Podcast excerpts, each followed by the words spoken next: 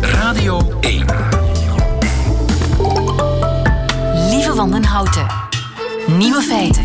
Dag en welkom bij de podcast van Nieuwe Feiten van vandaag 11 mei 2021. In het nieuws vandaag dat de 27-jarige Angie Yen uit Australië tien dagen nadat ze haar amandelen had laten verwijderen, plotseling wakker werd met een rare stem. Hi, I'm making this video to document the second day of something that's happened to me yesterday that was very weird.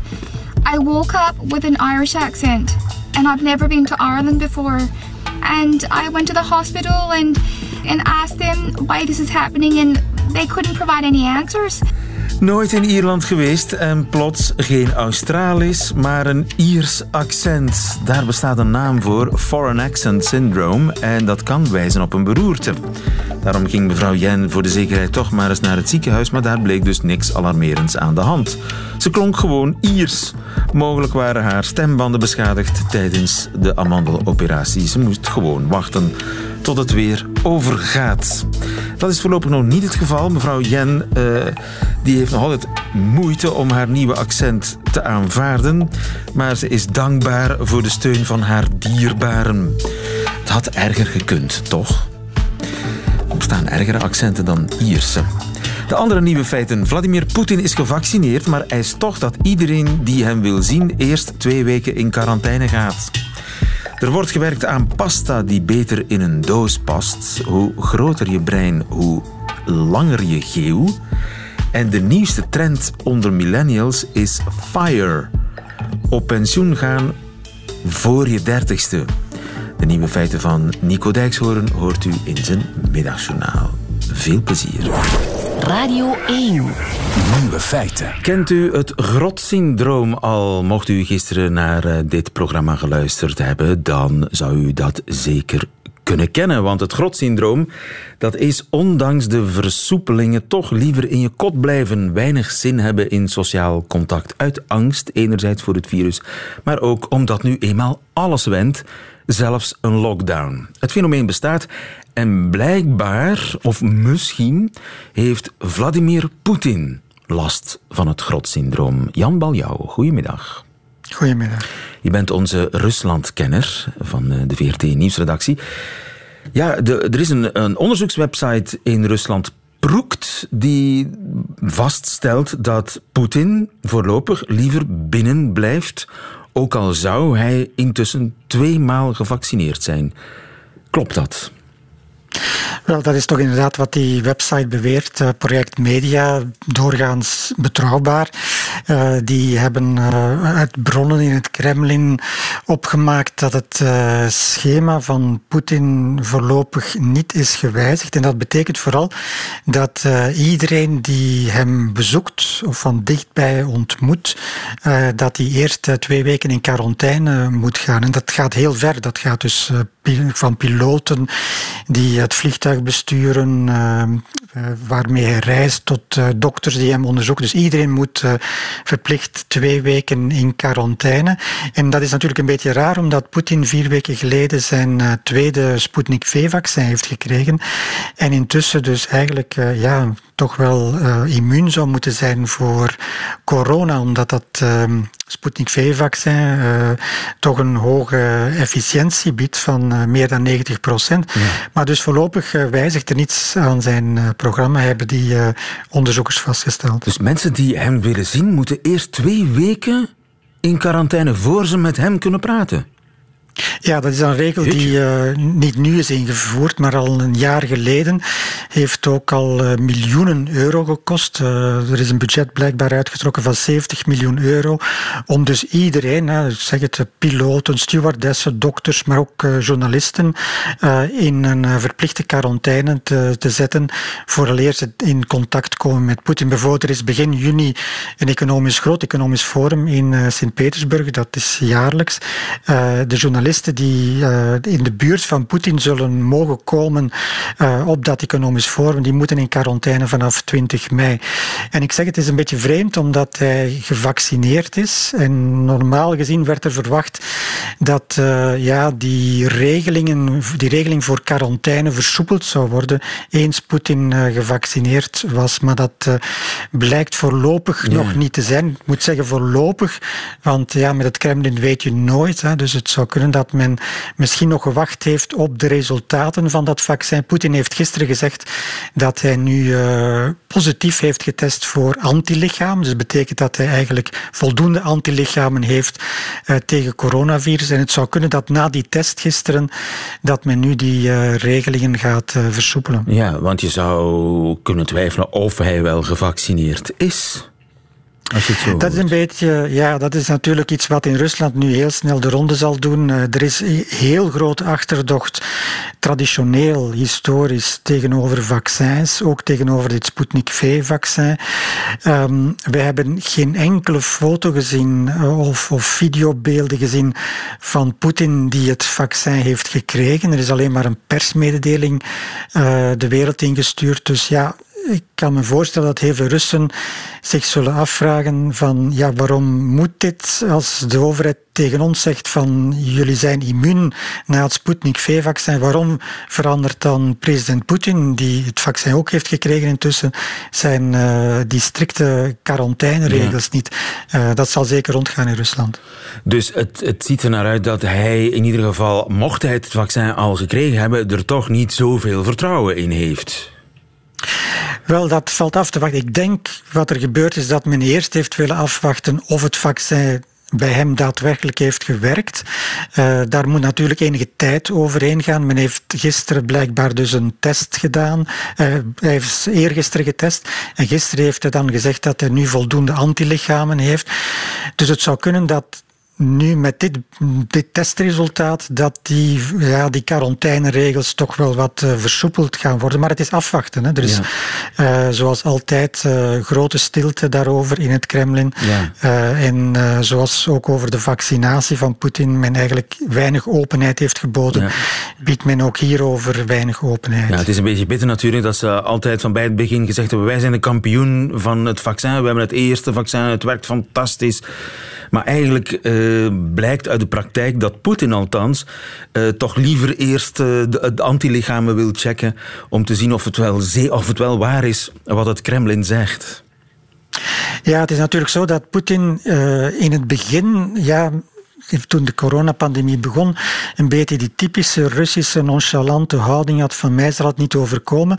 Maar hij heeft dan een paar nauwe aanvaringen gehad met uh, het coronavirus. Uh, hoofddokter van een coronaziekenhuis in Moskou uh, dat hij bezocht, die bleek achteraf positief op corona. Ook de premier testte positief uh, op corona na ook een ontmoeting met Poetin. En ik denk dat dat uh, ja, hem bijzonder uh, voorzichtig heeft gemaakt. En dat die voorzichtigheid die, die wordt nu nog altijd doorgetrokken tot, ja, tot het moment dat zou blijken dat inderdaad het vaccin echt goed werkt. het is natuurlijk een voorzichtigheid die, ja, die veel strenger is dan de voorzichtigheid die wordt aangeraden voor de gewone Russen. Want ja, tegen hen wordt gezegd het vaccin is uh, voor meer dan 90% effectief. En het werkt ook. Hè. Dat hebben testen nu uitgewezen. Uh, dus uh, voor Poetin gelden blijkbaar andere regels dan voor de gewone Russen. Ja, en hoe verloopt het vaccineren eigenlijk in Rusland? Gaat het goed? Uh, dat gaat toch redelijk traag. Volgens Poetin, uh, ook weer gisteren, zeiden nu, zijn er nu 21 miljoen Russen gevaccineerd. Maar dat is toch nog altijd maar 15% van de bevolking. In België zitten we aan meer dan 30% van de bevolking. Um, Rusland is ook uh, veel vroeger begonnen dan België. De vaccinatiecampagne is eigenlijk begin december begonnen. Dus het gaat traag, het gaat te traag. Um, je ziet ook dat die statistieken niet exponentieel de hoogte hoogte ingaan, zoals in België. Um, en dat, uh, ja, als men tegen dit tempo verder gaat, dan, dan gaat het nog heel lang duren. Vooral, vooraleer men in Rusland uh, ja, die beoogde 70, misschien 80 procent uh, bereikt om een soort van groepsimmuniteit te, te bereiken. Ja, en, dat... en, dat... is natuurlijk problematisch voor Rusland, want ja, de grenzen zijn op dit moment dicht. Dus het, het, maakt het moeilijk voor, voor iedereen. Mensen die naar Rusland willen reizen, maar ook Russen die naar het buitenland willen gaan. Ja, maar en dat, de, de achterdocht tegenover het vaccin eh, ja, heeft daar misschien wel mee te maken dat het zo traag gaat. Het heeft er alles mee te maken. Uh, er is ik zeg een traditionele achterdocht tegenover vaccins in Rusland. Maar natuurlijk ook de wijze waarop uh, Rusland dit vaccin de markt heeft gezet, is niet echt uh, ja, exemplarisch. Men is al beginnen met te vaccineren op het moment dat de derde fase, de, de grote testen, eigenlijk nog niet klaar waren. Um, men eigenlijk voldoende data had over de effectiviteit van dat vaccin, over mogelijke bijwerkingen. Ja. En dat heeft natuurlijk die achterdocht in Rusland uh, alleen nog maar uh, vergroot. Het zegt veel over een land, uh, hoe het vaccineren verloopt. En het zegt veel over Poetin dat hij zijn eigen vaccin kennelijk niet al te sterk vertrouwt. Dankjewel, Jan Baljouw. Goedemiddag. Graag gedaan. Nieuwe feiten. Een kleerkast kunnen stapelen en vervoeren in een kleine platte doos als bouwpakket. Dat was het genie van IKEA en is meteen ook de reden geworden van hun wereldwijde succes. Zou je zoiets nu ook kunnen toepassen op pasta? 17 wetenschappers van over de hele wereld hebben dat geprobeerd. Dirk van Dijk, goedemiddag. Goedemiddag, lieve. Dirk, je bent uh, professor aan de Universiteit van uh, Antwerpen, professor fysica. Droge pasta, dat neemt veel plaats in, hè? Ja, absoluut. Hè. Uh, niet als het, als het in fijne, laten we zeggen, buisjes is, maar als het bijvoorbeeld vlindertjes zijn en dergelijke, die eigenlijk een grote vorm hebben, dan kan je die eigenlijk niet goed stapelen. Ja, vorm is alles voor de Italianen en dat geldt zeker voor hun pasta. En wat heb je allemaal ja. van die vlindertjes, farfalle, penne, van die dikke, korte buizen, spirelli's, van die schroefjes, spiraaltjes. Het moet ja, allemaal. Ja, heb... uh, dit heeft allemaal van belang. De, de, materie op zich is niet anders, maar door dat verschil in vorm smaakt het toch anders, want het neemt anders die saus op enzovoort. enzovoort. De hele, hele culinaire theorieën worden erop gebouwd, maar dat is natuurlijk een probleem voor ja, het vervoer. Hè? Want ja, je, je stopt dat in een grote doos, maar eigenlijk is die doos voor, voor de helft met lucht gevuld. Zo is het, zo is het zeker. Zo is het. Dus 17 wetenschappers hebben gezocht naar een oplossing. Hoe hebben ze dat proberen op te lossen? Wel, ik, ik, ga even uitleggen. Uh, er zijn in de natuur wel vele voorbeelden van dingen die van vorm kunnen veranderen. Hè. Bijvoorbeeld het chromosoom, hè, bijvoorbeeld het DNA in de mens. Dat is een heel lange keten die heel kort kan opgerold worden. Daar zijn trucjes voor en dergelijke. Ook in de natuur. Alleen het probleem met, met uh, spaghetti of met pasta's is dat die samenstelling, daar mag niet gewijzigd worden. Dat is griesmeelbloem met water. Dus je kan er geen andere dingen aan toevoegen die eventueel de vorm zouden kunnen beïnvloeden. Je zou er kunnen iets aan toevoegen dat als het warm wordt, dat het krimpt en dergelijke, en dat het dan een vorm, hè, dingen die van, ja. voor een vorm veranderen, ze verwarmt. Maar dat kan niet met pasta's. Die ingrediënten dus vast is, natuurlijk. Ja, dus het probleem was, hoe kunnen we nu pasta's zo maken dat ze bijvoorbeeld vlak zijn in het doosje, maar als je dus uh, kookt in water, dat ze dan plots de vlindervorm krijgen, bijvoorbeeld, of een spiraal. Goed. En dan kwamen ze op het idee van misschien uh, kunnen we eens groefjes aanbrengen, scheurtjes, kleine groefjes, en eens kijken of dat die bij het zwellen niet van vorm veranderen. Maar dat is niet zo'n eenvoudig probleem. Hè. En daarom heeft men dus wetenschappers vanuit, zoals gezegd, 17 wetenschappers van zeven universiteiten. Er zijn er twee bij die verbonden zijn met het researchcentrum van Nestlé in, uh, in Singapore. Dus ik vermoed dat het onderzoek van daaruit betaald wordt. Hè.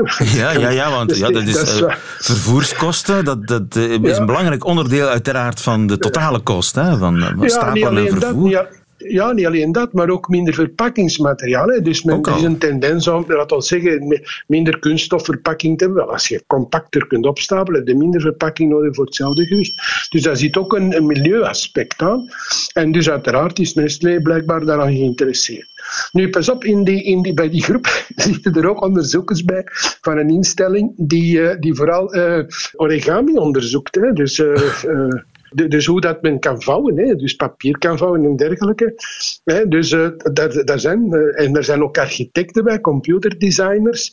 Dus het is, het is eigenlijk een heel heterogeen ja. een mengsel van wetenschap. Er zit ook materiaalkundig bij, fysici bij enzovoort. Ze zijn ja, maar de opdracht is natuurlijk ook heel complex. Hè? Hoe kan ik iets uh, van iets plat, hoe kan ik iets plat maken dat na koken prachtige vormen krijgt? Ja, inderdaad, dat is het. En dan was het idee van gaan eens kijken naar, naar scheurtjes, of wat, hoe dat een scheurtje, dus als je gewoon een platte, ik zeg maar iets, een, plat uh, plaatje neemt en je maakt er een scheurtje in en dat kookt, wat gebeurt er met dat scheurtje? En dan hebben ze gezien dat uh, dat, dat uh, bepaalde, uh, laten we zeggen, het randje van het scheurtje anders zwelt dan de bovenkant, zeker in het begin van het kookproces. Dan is men dat gaan bekijken met camera's en, en, en ook daar een fysisch model voor gevonden, dat dan bleek te kloppen. En op een fysisch model gewoon zeggen, een soort wiskundige uitdrukking waarmee je kunt berekenen wat de vorm zal zijn als het scheurtje zo diep, zo lang, zo breed is en dergelijke. En dan met behulp van zo'n scheurtjes proberen een driedimensionaal uh, vorm uit te tekenen, die dus na het zwellen die driedimensionale vorm dan bereikt. En uiteindelijk heeft men, is men erin geslaagd in, in het artikel dat dan vorige week gepubliceerd is, staan er al twintig voorbeeldjes in van vormen zoals ze berekend zijn met de computer en zoals ze uiteindelijk ook eruit gekomen zijn na het kookproces. Okay. Nog sterker, nog sterker, als het terug droogt, krijg je terug zo'n oorspronkelijke platte vorm. Dus dat is wel mooi. Dat is mooi. Dus het is puur het gevolg van het water dat opgeslorpt wordt en in scheurtjes anders wordt opgeslorpt dan in de rest van het materiaal. Dat bepaalt dan de driedimensionale vorm. Maar eens dat het terug droogt, dan keert het terug naar zijn oorspronkelijke ja, vorm. Maar dus, tegen dan is hij al opgegeten, neem ik aan. Het is niet de bedoeling dat je, dat je, dat je, dat je hem laat opdrogen. Maar dus als, als het scheurtje maar heel precies geplaatst wordt, dan kun je van uh, een platte deeg. Juist, als een driedimensionaal vlindertje maken. Een, een vlindertje maken. Ja, absoluut. En pas op, het is niet één scheurtje. Het is dan waar moeten die scheurtjes staan, hoe ver van elkaar, hoe lang moeten die zijn en dergelijke op. En dan werkt dat. Uh, natuurlijk, dat kan je niet, je kunt dat proberen proefondervindelijk uit te testen, maar nu probeert men eerst te begrijpen. En zodra men dat heeft, kan men met de computer berekenen waar moeten we scheurtjes maken om een vlindertje te krijgen. En dat lukt dan ook. Hè. Amai, dus... En daarom is dat ook een heel, een heel mooi onderzoek eigenlijk. Ja. Zou dit een IKEA-moment kunnen zijn voor de pasta-sector? Eh, dat zou volgens mij echt een IKEA-moment kunnen zijn. Dat er plots, inderdaad, dat er plots een bedrijf, dat is dan Nestlé, ik weet niet welke producten dat die daar hebben, plots op de markt komt met, voilà, hier uh, hebben wij uh, verpakkingen die minder, minder verpakkingsmateriaal, die veel compacter zijn, ook, ook, voor, ook voor de retailsector, voor de supermarkten neemt dat veel minder plaats in en dergelijke, voilà. En dat is een koopsargument. En er zijn dus klanten die zeggen, voilà, dat is minder, mi, dat is minder milieubelastend, we gaan dat kopen. En dus dat, zijn dus ook echt IKEA-momenten inderdaad. Ja, ik kijk er naar uit. Ik vraag me af of het lukt. Ik zal het wel merken als ik uh, naar de supermarkt ga binnenkort. Dankjewel, Dirk van Dijk. Goedemiddag. Oh, Oké, okay, leven. Goeiedag. Dank u.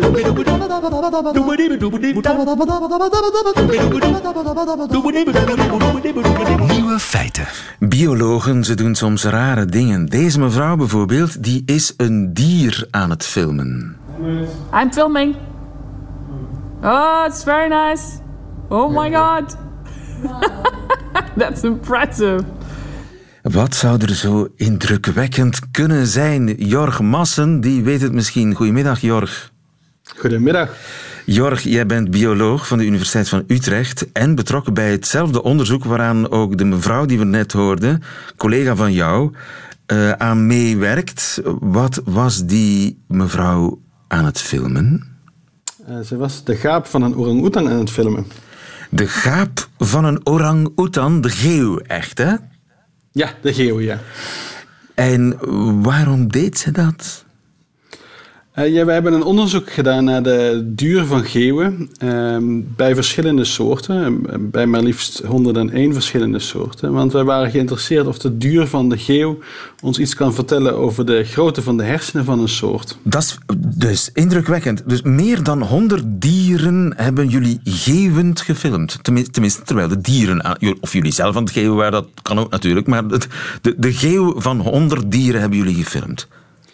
Nou, nee, we hebben uh, wel van meer dan 100 uh, eh, dieren. We hebben, we hebben, van 100 dierensoorten. Oh, en van jee. iedere dierensoort hebben we uh, meerdere geeuwen van meerdere dieren gefilmd. of, of de films van internet gehaald, van YouTube bijvoorbeeld. En in totaal hadden we maar liefst meer dan 1250 geeuwen die we dan vervolgens geanalyseerd hebben. Jullie hebben 1250 geeuwen geanalyseerd. Geeuwen vissen? Ja, vissen geeuwen ook, ja. Reptielen? Ja, ook. Alle dieren? Nou ja, alle gewervelde dieren in ieder geval. Of insecten ook geeuwen, dat uh, durf ik niet te zeggen. Als er iemand ooit een, een geeuwende bij ziet, laat het ons weten. Nu, ik vraag me wel af, als een vis geeuwt, slokt hij dan heel veel water op? Ja, dat, uh, dat moet wel, hè? En het is iets raars, het is iets reflexmatig. Je kan het niet op commando. Je kan doen alsof je geeuwt, maar niet echt geeuwen, denk ik. Nee, nee, dat kan inderdaad uh, niet echt. Het is inderdaad, uh, ja, het is iets wat we niet echt onder controle hebben, nee. En wat gebeurt er eigenlijk als we geeuwen? Wat is dat eigenlijk, een geeuw? Ja, geeuwen is een reflexmatig gedrag inderdaad. En uh, de, de, huidige data wijzen er toch wel in de richting dat als wij geeuwen, dat wij onze hersenen afkoelen. Doordat we namelijk onze mondholte en neusholte wijd openzetten, verversen we die van frissere, koelere lucht. En die koelere lucht die koelt vervolgens de aderen die achter in die holtes lopen af. En die aderen staan weer in verbinding met de hersenen. En doordat we ook nog eens die, uh, onze kaak aanspannen, allemaal rare spanningen creëren tijdens dat geeuwen, uh, gaat dat, uh, komt er ook een hogere bloeddruk in die aderen, waardoor dat bloed sneller naar de hersenen stroomt. Dus er komt sneller koud bloed bij de hersenen. En dan wordt er ook sneller warm bloed bij de hersenen afgevoerd. Dus Geeuwen koelt het brein. Het is airco voor het brein. En zou het daarom zijn dat we geeuwen als we moe worden? Heeft dat een uh, reden? Ja, wat, wat, wat we zien is dat ons, uh, de lichaams, onze lichaamstemperatuur fluctueert over de dag. En we zien uh, sowieso dat onze lichaamstemperatuur op zijn hoogst is uh, tijdens de avond. Dus dat komt natuurlijk mooi overeen met ook het patroon van, van gapen wat we zien. en verder zou het natuurlijk zo kunnen zijn, maar dat is puur speculatief, dat als we wat moeer zijn, dat we sowieso wat meer moeite hebben om onze lichaamstemperatuur op orde te houden. En dat we daarom dan teruggrijpen op evolutionair oude mechanismen zoals het, uh, zoals het geeuwen. Ja. Dat is maar een theorie. Daar, daar, dat is een hypothese. Dat is nog niet echt bewezen, maar jullie onderzoek, het meten van de lengte van de gaap van diverse diersoorten, dat is bedoeld om die theorie te staven. Correct, ja. De, de idee is, is eh, eigenlijk heel simpel. Uh, hoe groter het brein, hoe meer koeling het waarschijnlijk nodig heeft. Uh, of hoe meer neuronen er in het brein zijn, want daar hebben we ook naar gekeken, um, hoe meer koeling er waarschijnlijk nodig is. Ja, en meer neuronen, dat betekent dus dat, dat uh, je, kan een brein hebben dat misschien in omvang niet zo groot is, maar waar heel veel neuronen in zitten. Ja, inderdaad. Ja, en dat zien we bijvoorbeeld terug bij uh, verschillende vogelsoorten, die niet per definitie nou zo'n enorm groot brein hebben, maar wel heel veel neuronen erin hebben zitten. Het is een klein brein dat hard werkt een klein brein dat hard werkt. En ja, die neuronen die communiceren met elkaar door middel uh, van te vuren. Echt. Er, wordt echt, ja, er komt echt energie bij vrij.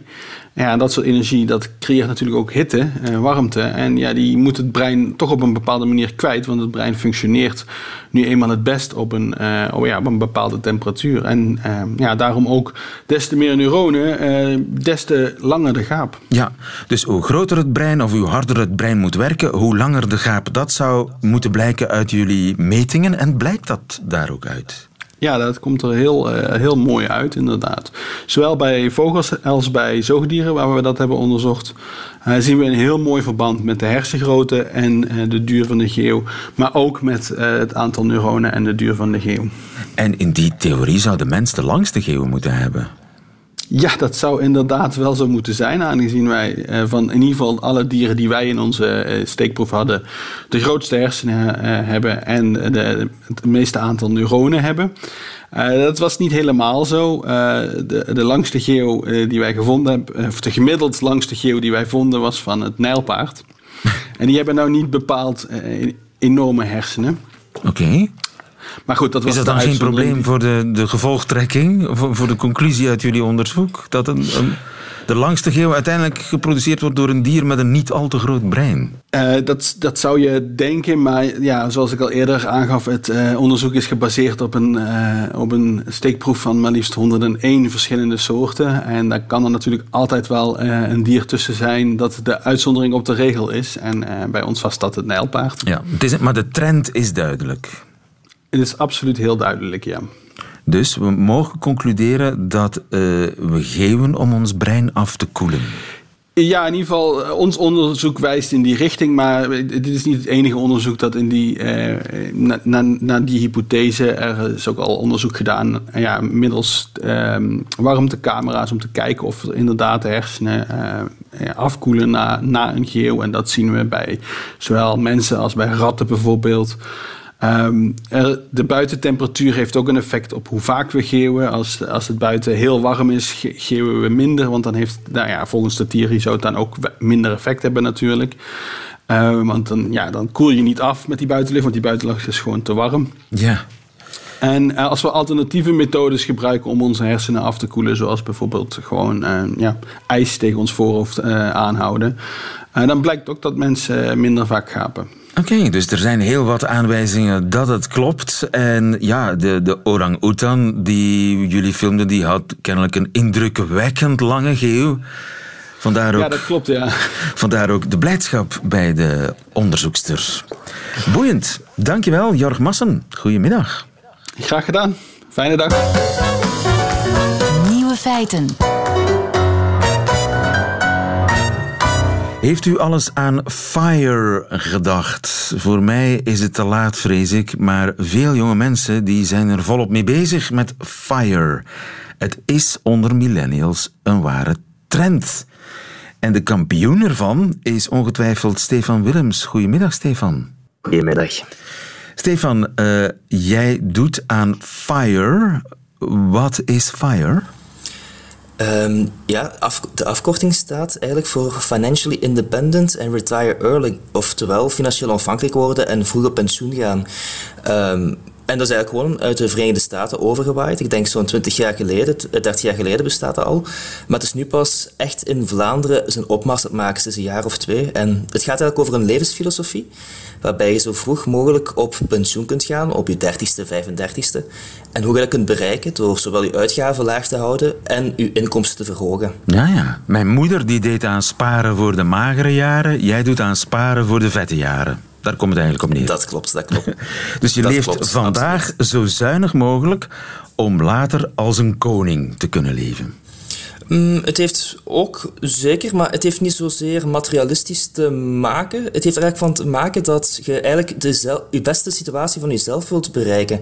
En je hebt in je leven heel veel restricties, die ook bijvoorbeeld financieel zijn. En pak maar een voorbeeld, je droomjob bereiken. Dat is voor sommige mensen heel moeilijk.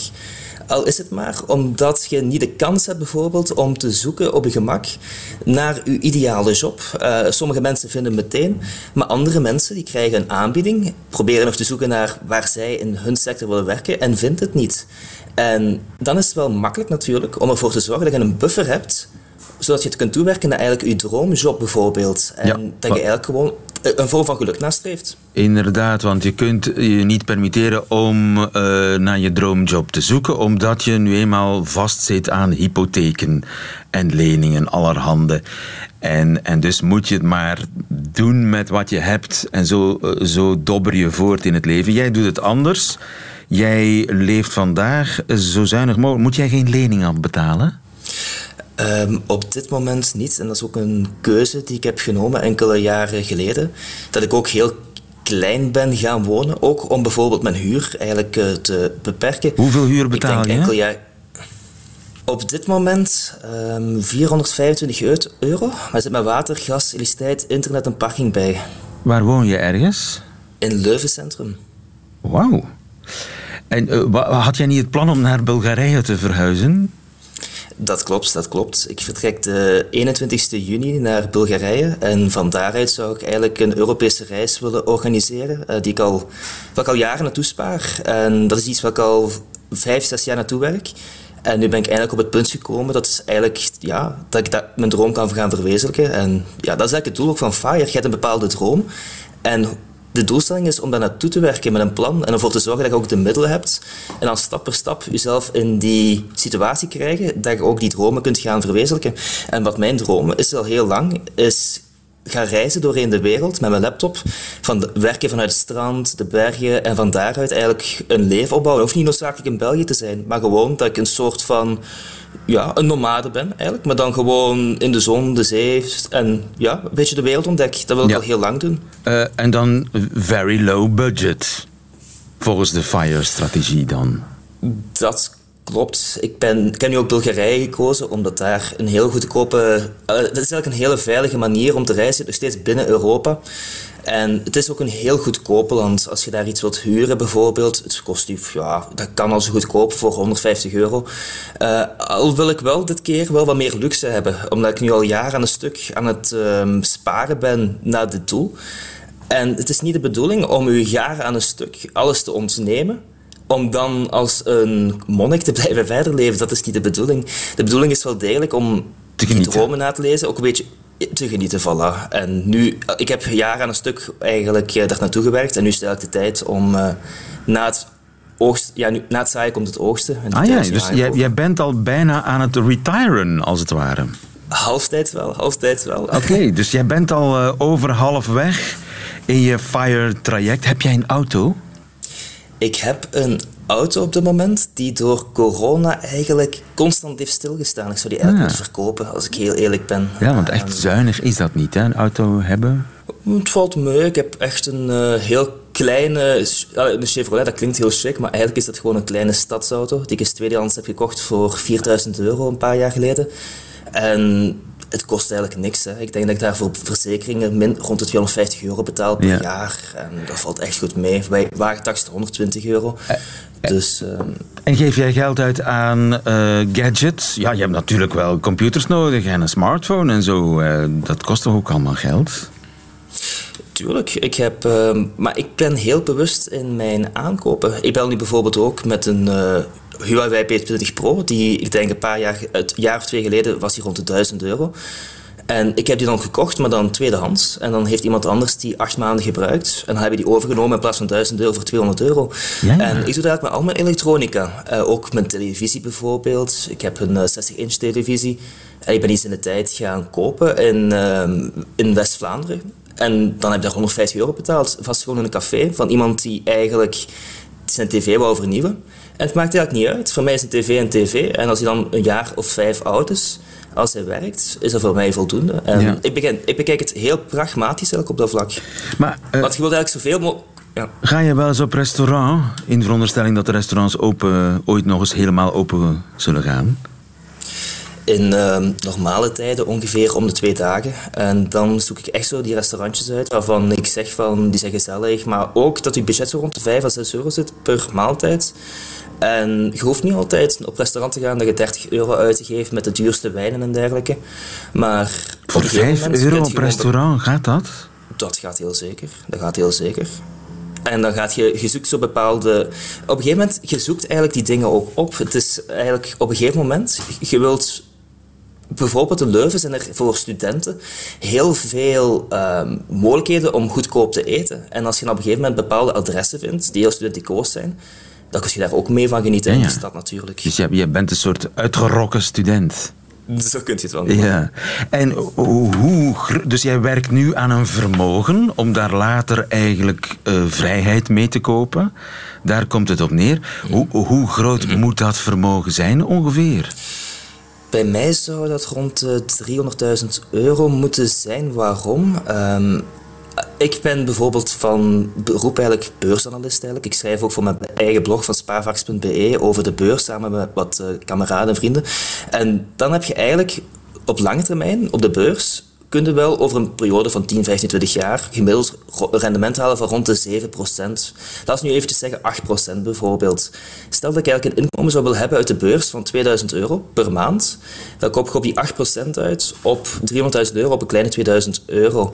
Maar natuurlijk wil je hebben dat dat vermogen zo groot mogelijk is, want je wilt jezelf zo weinig mogelijk druk zetten. Het is veel makkelijker om een rendement van 6% te halen dan 8% bijvoorbeeld.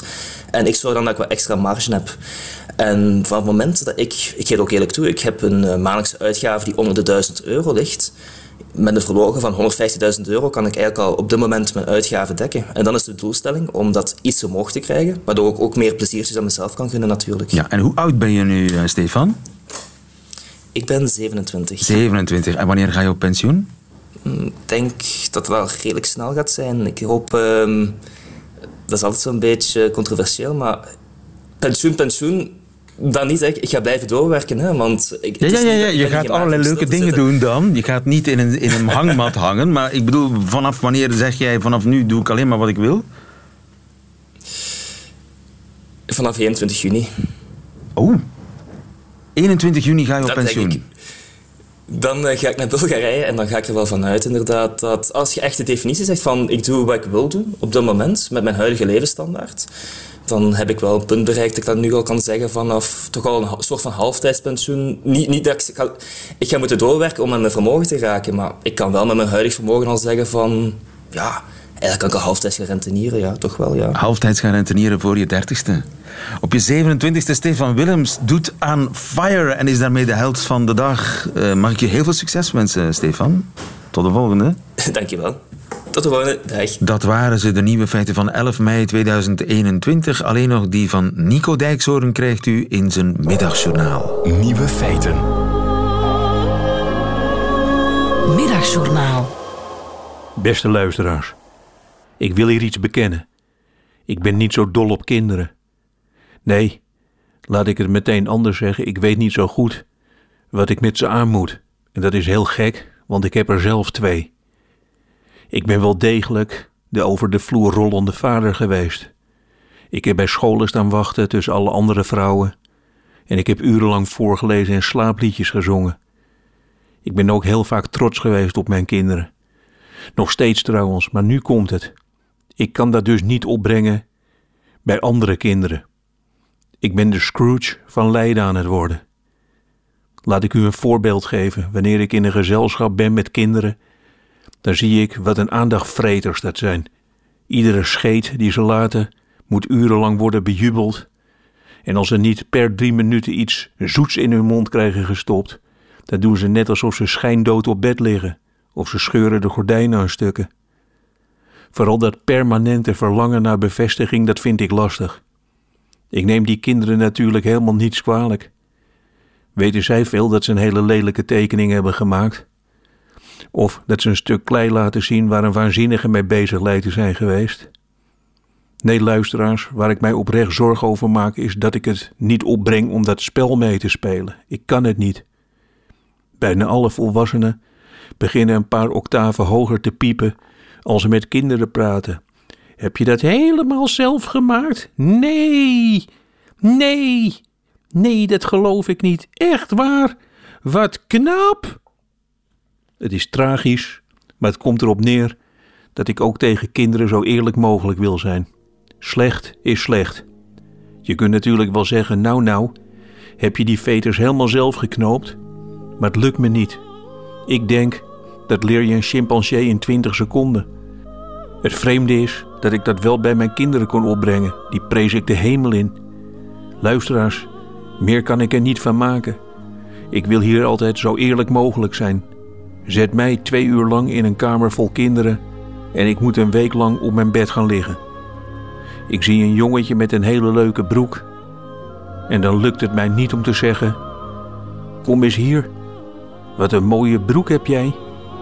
Je lijkt wel zeven jaar oud in plaats van vijf.